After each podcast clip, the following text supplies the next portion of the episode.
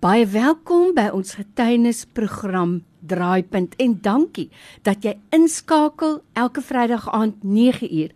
Onthou daar's weer 'n herhaling op Sondagmiddag 06:30 en as jy 'n getuienis het, moet asseblief nie nalat om dit met ons te deel nie. Ek weet daar is iemand wat jou getuienis moet hoor. So jy stuur net vir my SMS na 32716. Dit kos vir jou R1 met die woord draaipunt of jy kan dit vir my stuur met 'n WhatsApp 0844 104104. En ons deel ook jou getuienis met ons luisteraars. By my in die ateljee vandag het ek 'n bekende. As jy nou vroegoggend op 'n Saterdag ingeskakel is, dan ken jy vir dagbreek met Dries. Dries te Kok sit hier by my in die ateljee. Dries, dit is darem lekker om weer vir jou van aangesig tot aangesig te sien. Baie welkom. Baie dankie Lorraine, dit is ook 'n voorreg om hier te wees en met die luisteraars te deel. Dries, jy weet, uh, ek onthou destyds toe ek en jy begin gesels het, was dit vir my aangrypend. Die getuienisse wat jy vir my vertel het van jongs af, jy weet hoe jy 'n pad met die Here gestap het. So ek was verbaas om te hoor, dis nou al 10 jaar wat ons die dagstukkie met ons luisteraars deel en ek weet dit kom uit persoonlike ervaring en 'n baie noue wandel saam met die Here. Maar vertel vir ons 'n bietjie van die getuienisse van jou lewe.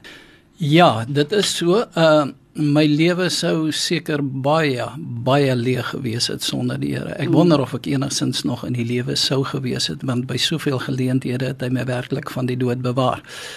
Ek dink as ek moet begin dan moet ek sê as 'n ouer vir hulle kinders iets wil belê vir die toekoms, dan dink ek die kosbaarste belegging wat jy ooit kan doen is om vir jou kinders te bid. En my moeder was 'n bidder. En ek het baie keer ervaar dat dit moes wees as gevolg van haar gebede dat ek nog lewend is. Ek dink byvoorbeeld aan een geleentheid hier gedurende die 70er jare terwyl ek in die Kaapse hawe gewerk het. En ek was 'n vragkontroleur en ek was onder op die kaai besig in die huiskraan het die vrag gebring. En ek wou dit in posisie stoot terwyl dit so wat 'n meter meter en half bo kan die grond hang. En die volgende oomblik het die huiskraan drywer soos hulle toegenoem was operateur net eenvoudig die vrag laat val. Nee. En dit terwyl ek letterlik my een been onder dit ingestoot het om vorentoe te leun soos wanneer jy nou jou knie sou gebruik. Ja, ja, ja. En in daai oomblik het ek ervaar dat die Here by my was want hoe hy my daar onder uitgekry het in 'n breek deel van 'n sekonde en dit was vir my net onbegryplik hoe vinnig dit kon gebeur het en die Here my in 'n breekdeel van 'n sekonde onder daai goed kon uitdruk. Maar weet jy wat die oomblik toe dit gebeur het, het ek besef dit is die hand van die Here. Daar is daar is nie 'n ander manier wat jy dit kan kan verduidelik of verklaar nie. En net ek daar in die donker weggehardloop, dit was in die nag gewees het ek in die donker weggehardloop en net eenvoudig gaan bid en gesê Here, ek erken dit is u wat by my was. By 'n ander geleentheid het ek weer op 'n trok, 'n spoorwegtrok se rand gestaan. Nou was daar weer 'n vrag besig om afgelaai te word met kerswasse in sulke groot nette. En die huiskraanbestuurder het hom seker misreken, maar hy swaai die hele vrag oor die trok en hy tref my. Nou ek kan agteroorval, maar omtrent 'n meter en 'n half verder staan nog 'n ry trokke. Oeh. Deur die genade van die Here in 'n breekdeel van 'n sekonde weer eens was die besef daar gryp net aan hierdie net met die vrag en swaai saam. Wat dan nou ook gebeur het en toe die vrag dan nou weer terugswaai tot reg oor die trok kon ek afspring. Maar so beskerm die Here my. Oh, nou die dag het ek gery met die motor kom by 'n stopstraat en ek hou stil en ek sien hier kom 'n motor aan en sy flikkerlig is aan. Maar so moet ons die stem van die Heilige mm. Gees hoor. En hierdie stem sê vir my luister daai motor gaan nie afdraai nie. Gewoonlik aanvaar ons ja. luister hy's aan, hy gaan afdraai en ek hou stil en poer poer poer trek hy voor my verby volspoed sit hy rustig met sy flikkerliggie aan en hou reguit aan. Hy weet waarskynlik nie eens daai flikkerliggie aan nie. Hy weet nie daarvan nie, maar Die stem van die mm. Heilige Gees is daar. En daardie kan 'n mens net kry deur 'n noue verbintenis met die Here. Nou by my in die ateljee vandag is Dries te Kok. Jy ken hom as die dagbreek met Dries wonderlike dagstukkies sommer so vroeg in die oggend op 'n Saterdag. Jy weet Dries, een goue draad wat nou vir my deurloop deur hierdie paar staaltjies wat jy vir my vertel het. Ek glo dat daar waarskynlik in elke gelowige se lewe op 'n dag honderd honderde sulke oomblikke is en momente is ons is een dalk nie eens altyd bewus daarvan nie. Twee, wanneer dit wel gebeur en ons is bewus daarvan, is ons eerste reaksie dalk nie altyd om dadelik te hardloop en vir die Here te sê, "Dankie dat U my bewaar het nie." Dis vir my so belangrik wat jy sê. Ons oor moet ingestel wees op daai stil stem. Dries, as daar nou iemand is wat na ons luister vandag en sê, "Maar ek begeer ook so 'n naby wandel met die Here." Watse woord het jy vir so 'n persoon? Ek dink die basiese grondslag van alles is die woord van die Here. En ek van my 14de verjaardag af het dit 'n punt gemaak dat ek die woord van God sal bestudeer en lees. Ek het een hoofstuk op 'n aand gelees.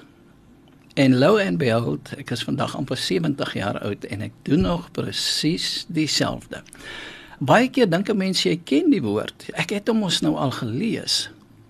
Al het jy hom 5 maal, al het jy hom 10 maal, al het jy hom 13 maal gelees. Die woord is lewend en mm. keer op keer vind jy iets nuuts.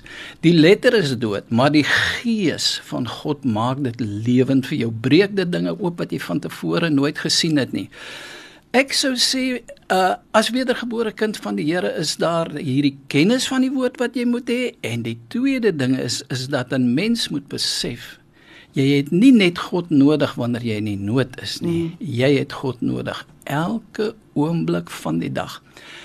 Ek kan nie 'n dag begin sonder om te sê Here, ek wil U vandag sien en ervaar en voel.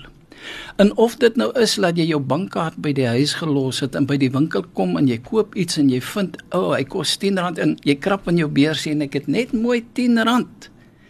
Dan is dit nie toevallig nie. Dis die Here wat by jou is. En ek maak dit 'n punt en ek sê vir die Here wanneer ek bid, Here, ek wil U vandag so ervaar. En lo and behold, hy is getrou. Jy ervaar hom keer op keer in die dag so. En dan moet ons nou nie soek vir groot goed nie. As jy God nie in die klein goed kan raak hmm. sien nie, hoe wil jy hom in die groot goed raak sien? So, dit is 'n oefening wat 'n mens as dit ware doen en aan die einde van die dag om dan te kan terugdink en sê Here, daar het U my bewaar, soos daai ou by die stopstraat, mm. soos my geldbedragie wat net genoeg was. Dit is hoe ons die Heilige Gees in God prakties in ons lewens moet ervaar.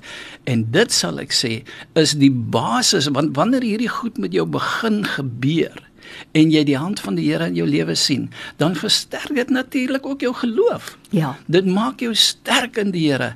En guess what? Jy sien vir veel meer geestelike kans as wat jy van tevore sou wees. Weet jy wat? Ons moet wegkom van daai idee dat God letterlik by die deur staan en wag soos 'n dienskneg en net gereed wees wanneer jy hom roep Jy moet dwars deur die dag om kan mm. ervaar en om die lof dan daarvoor toebring sodat hy die eer ontvang wat hom toekom en ek dink dit maak sy hart baie bly. Want jy sien wat ek net nou gesê het, God wasn't there when I wanted him to be there. Mm. En hy was nou net nie vinnig genoeg na my sin om my te help nie en nou is ek baie ongelukkig.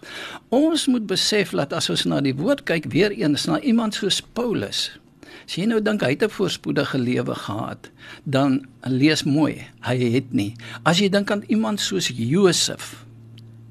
En hoeveel van dit het hy verstaan? Maar weet jy wat in al twee se lewe kan jy sien God was altyd daar. Hoekom?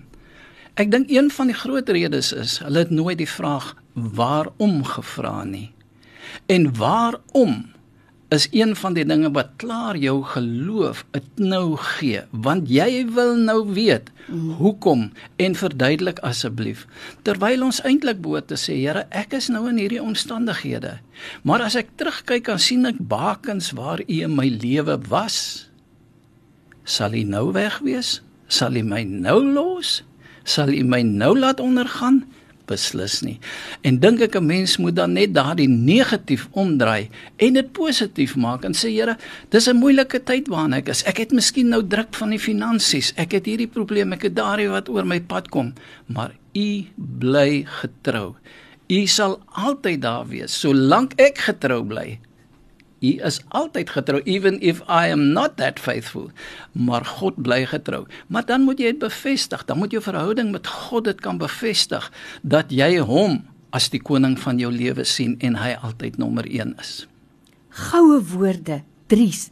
Daarom dink ek ook ek en jy moet 'n dagboek hou sodat in die winter as die brandhoutjies min is en ons wil moedeloos word, kan ons daai dagboek vat en sê, kyk, jy het dit nou so mooi gesê. Hier's die bakens langs my pad waar God al vir my kragtadig deurgekom het. En nou moet ek weet, God verander nie. Hy is nog steeds daar al sien ek nie nou hoekom nie. Amen. Hy is daar. Amen. Ek kan saamstem daarmee en ek dink juis Josef se lewe was daar gewees as voorbeeld. Ek meen hy word deur sy broers gehad. Hy word mm. hy het niks verkeerd gedoen nie. Mm. En aan die einde van die dag het ek gewonder of hy nie dalk op 'n kol tog gesê het, Here, nou verstaan ek nie. Hy beland in die tronk. Ja. Vergeet jy hoef nie noodwendig te verstaan nie. Mm. Jy moet net verstaan dat God daar is dan het jy alles wat daar te verstaan is verstaan as ek dit sou kan uitdruk. Glo en vertrou. Ja, absoluut. God is met my. God het my nie verlaat nie. God is in hierdie dinge dwars deur die dag deur my. Hy is verseker daar. Weet jy my vrou hou meer dagboek van hierdie tipiese mm. insidente mm. en sy gaan terug en dan bring sy dit en sê vir my pa lees luister hierso en dan lees sy weer vir my en kan ons ja sommer lekker saam praat oor hierdie goedes wat weer 'n mens opnuut optel. Die dagstukkies is vir my so belangrik dat ek nie een sal skryf sonder dat ek gesê het Vader, die woorde is nie myne nie. Dit is U wat hulle moet gee. En ek glo in my hart oortuig dat op daai dag wanneer daai uitsending is, daar iemand gaan wees wat daai brokstukkie, daai stukkie brood nodig het want ek staan partymal totaal verstom oor dit wat die Here vir my gee en wat ek op papier kan neersit all glory belongs to him only. Dis Dries de Kok wat so lekker gesels. Onthou om in te skakel. Dagbreek met Dries. Dis 07:30 elke Saterdagoggend net hier op Radio Tygerberg op 104 FM. Vir jou tyd vandag Dries, kosbare tyd. Ons waardeer dit. Baie dankie. Dis my vreugde. Die eer behoort aan die Here.